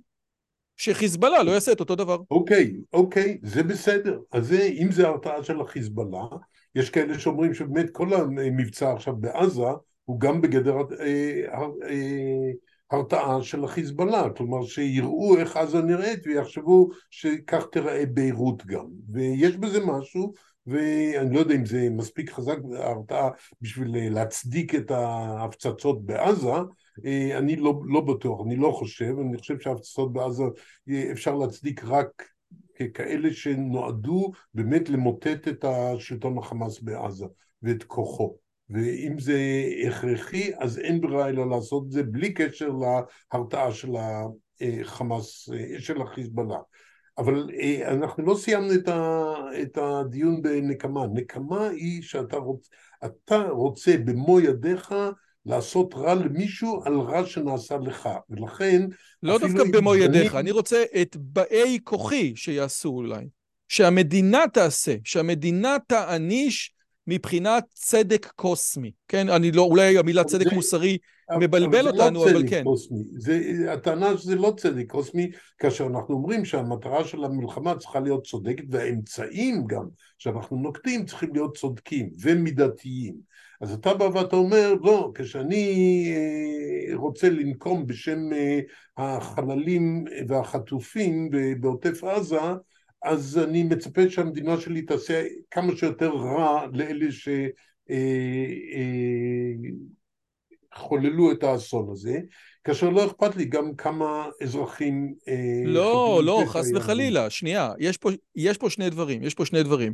א', א', אף אחד לא מדבר על עינויים. דבר שני, השאלה היא שאלה פילוסופית. האם יש, האם יש עניין לנקמה מעבר למען יראו וייראו? כי לכאורה, נניח שאני לא מסכים איתך, אבל אני רוצה כן להסכים איתך, אני אגיד, טוב, כל פעם שאני אומר שאני רוצה להגיד נקמה, אני אגיד לדוד למען יראו וייראו, ואנחנו נסכים בינינו, כן? כי באמת אנחנו לא נמצאים, אנחנו נמצאים בתוך שכונה די עוינת, וכולם מסתכלים, ותמיד אפשר לתת את, ה, את, את, את, ה, את הפתק הזה של למען יראו וייראו. אבל מכיוון שהערוץ הזה הוא ערוץ פילוסופי, אני רוצה לגעת בנקודה הזאת, לגעת בנקמה. למען יראו וייראו, אני מסכים איתך, בוא, אוקיי, שמנו בצד, סבבה. אני רוצה לחדד, יש, אה, אה, יש טקסט, יש ליעקב עם שמעון ולוי רק דו-שיח אחד בתורה, רק משפט אחד שהוא אומר להם.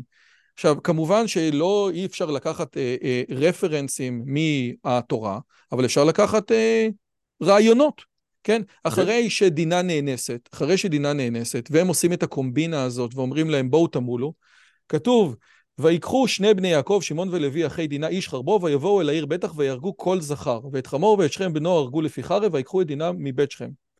ובאו וגם לקחו את כל הכסף וזה וזה. ויעקב אומר להם, ויאמר יעקב אל שמעון ואל לוי, אחרתם אותי להבישני ביושב הארץ, בכנעני ובפריזי, ואני מתי מספר ונאספו עליי, והיכוני ונשמעתי אני וביתי. זה לא רלוונטי מה שעשיתם, זה לא טוב, זה לא פוליטי, אה, זה לא פוליטי. עכשיו יבואו כולם ויהרגו אותי. אגב, יש כאלה שאומרים שזאת בדיוק הסיבה שהם חיכו שהם ימולו, כי אם, כי אם, יש, כי אם, כי אם עשו נזק ליהודים, אז אף אחד כבר לא יבוא. ושמעון ולוי עונים לו תשובה שלא מן העניין, וזה סוגר את הדיון. הכזונה יעשה את אחותינו. לא רלוונטי. הייתה פה נבלה, שהייתה פה נבלה שנעשתה, ועל הנבלה הזאת צריך לתת עונש. יעקב אבינו כועס עליהם, ובברכות של יעקב הוא יכניס להם את זה שהם לא בסדר.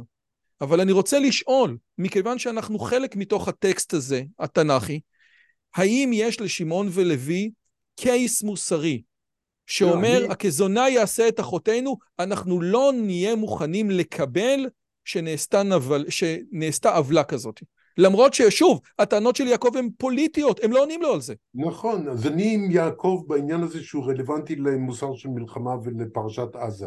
כי אני חושב שיעקב צודק שבתור אה, מנהיג אה, מדיני, מי שדואג לאינטרסים של העם והוא בכלל מדינה ולא, ולא אה, בן אדם פרטי, אני חושב שהפעולה שלו צריכה להיות כפופה לחוקים, לכללים אה, מוסריים, והוא מחויב באתיקה של מלחמה, כן? אה, שהם עושים, הם באמת, אה, זה מקרה מובהק של מלחמה, תשים, של נקמה, משום שתשים לב, נקמה צריכה לבוא תמיד על, מידיו של, ה, של הניזוק.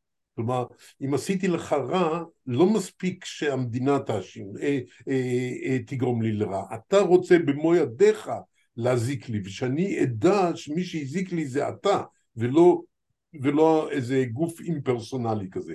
אז אני חושב שאתיקה עוסקת בממד הלא פרסונלי, האימפרסונלי, ולכן מדינה, ואני אגיד לך למשל בית משפט, אסור לו שיפעל מטעמים נקמניים. אני חושב בית משפט מחויב לחוק, לעיקרון, לכללים. לא, אז זאת לא אומרת, יכול לפעול עד עכשיו... מתוך נקמה, כי הוא עד מוסד. עכשיו- לא- עד עכשיו אני קראתי את מה שיעקב אומר כטיעון פוליטי, אבל אתה אומר, אולי ניתן לקרוא את יעקב כטיעון מוסרי. אם. עכשיו יהיה פה בלאגן, ויהיה פה יותר, אה, ויהיה פה מלחמה, ויהיה פה מוות, אז ימותו עכשיו עוד 70 אנשים. נו, אז מה עשיתם בזה? מה עשיתם בזה? זה טיעון מוסרי, כן? ואז הם אומרים, השאלה היא, האם אתה, בתור חוקר של מוסר, יכול להביא, כאילו, יכול לתת לי, אפילו, אתה אומר, תקשיב, אני בצד של יעקב, הבנתי, סבבה. האם יש הצדקה מוסרית ל... לת... למהלך של שמעון ולוי? שוב, יעקב גם לא עונה להם, זה מסיים את הדיון, הוא גם יכעס עליהם, כן? לצורך העניין, הטקסט איתך, כן? הטקסט איתך. ובוא, איך אומרים, בוא תעשה ניסוי מחשבתי. יש משהו להגיד לטובת שמעון ולוי? יש משהו להגיד, כי אני חושב שבאמת אה, המניע של, של הנקמה הוא לא בלתי מוסרי על פניו, למרות שאנחנו תמיד מגנים מה זה נקמה. אני רוצה לומר שהוא בלתי מוסרי על פניו כשמדובר לא על אנשים פרטיים, אלא על מוסדות ו, ומדינות.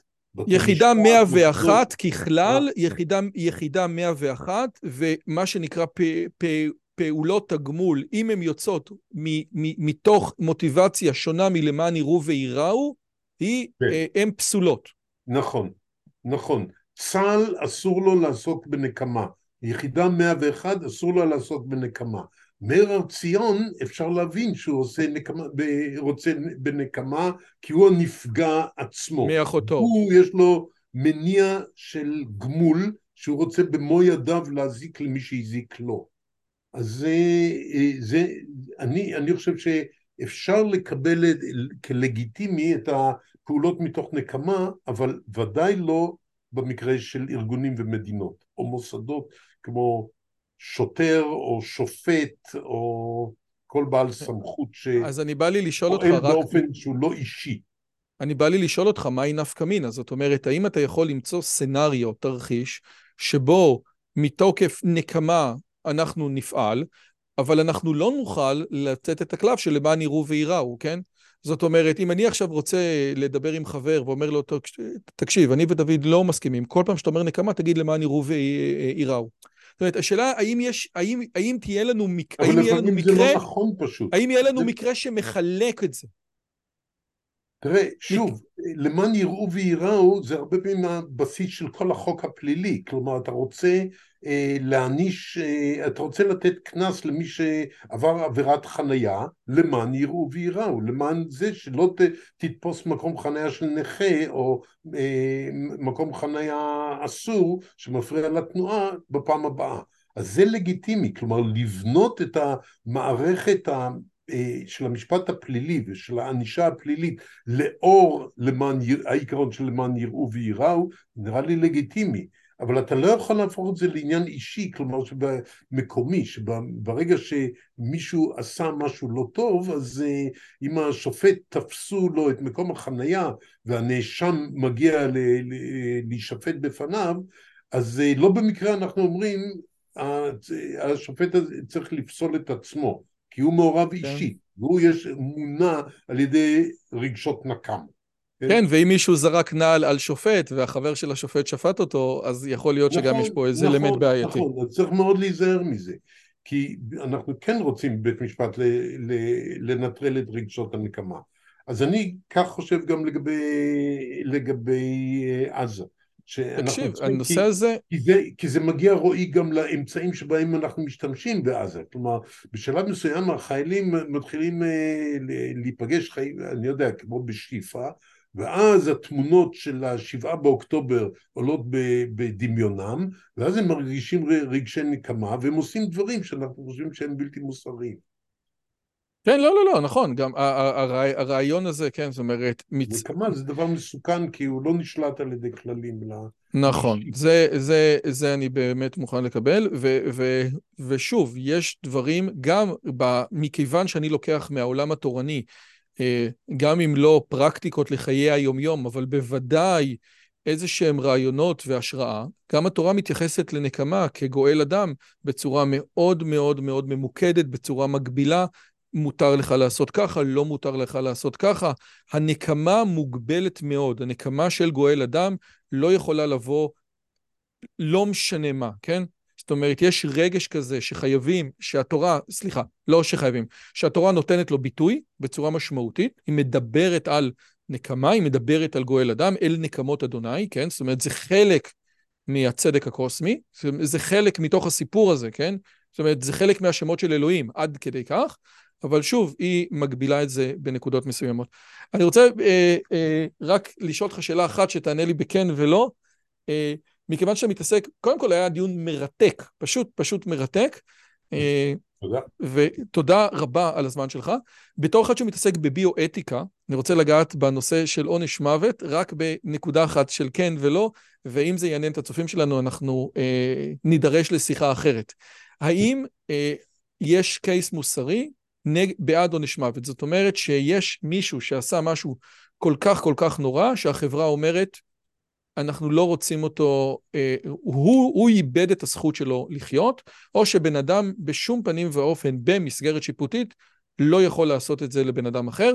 כמובן שהשאלה היא לא משפטית, יש מקומות בארצות הברית שיש עונש מוות, יש מקומות שאין עונש מוות, וארצות הברית היא מדינה דמוקרטית, אז השאלה היא שאלה מוסרית לפי דעתך. לפי דעתי אין הצדקה לעונש מוות, אה, אבל את אייכמן היו צריכים להוציא להורג, כלומר יש מקרים קיצוניים שבאמת החברה האנושית, אה, לכן זה נקרא פשע נגד האנושות, החברה האנושית פשוט אה, מקיאה אדם מתוכה, כי זאת תופעה שהאנושות לא יכולה לקבל באיזשהו מובן קיצוני. ולכן אני לא נגד החוק של עשיית הדין בנאצים ובעוזריהם, אבל uh, באופן כללי, בחוק הפלילי, אני, uh, וזה כולל דרך אגב גם מחבלים בארץ, uh, רוצחים, מחבלים, uh, אני נגד עונש מוות, כי אני חושב uh, אפשר uh, להצדיק את זה, אני חושב במונחים ששוב, uh, אם אתה רוצה לחזור לחיים קודמים למוסר, כן, uh, המשחק המוסרי הוא תמיד uh, במסגרת החיים, ולכן החיים הם הנחה שקיימת שבתוכה אנחנו צריכים לעבוד, ולכן גם הענישה היא לא נטילת החיים. דרך אגב, זה, זה טיעון אנלוגי גם שאני מתנגד לשלילת אזרחות מאזרחים ישראלים אה, על, על מעשים שהם עשו. כי אני חושב שאזרחות זה המסגרת שבה אנחנו מפעילים חוקים. אז אני מפעיל את החוק הישראלי כנגדך, רק משום שאתה אזרח ישראלי. אם לא היית אזרח ישראלי, החוק לא היה תקף לגביך. כן, זה, אבל זה כמו שאמרת, מהרגע... להוציא מהרגע, אותך מהמשחק. כן. אה, מהרגע שאתה משחק, מהרגע שרימית בשחמט, הוצאתי אותך מהמשחק. אז אם אני, אם הבנתי נכון את מה שדיברת בשעה וחצי האחרונה, אז אם מדינת ישראל תייצר חוק מיוחד עבור מחבלי הנוח'בה שבאמת השתתפו בטבח כממש מספרים כולל אה, אנשים שממש שחטו ושרפו, כן? נניח, ימצאו איזשהו...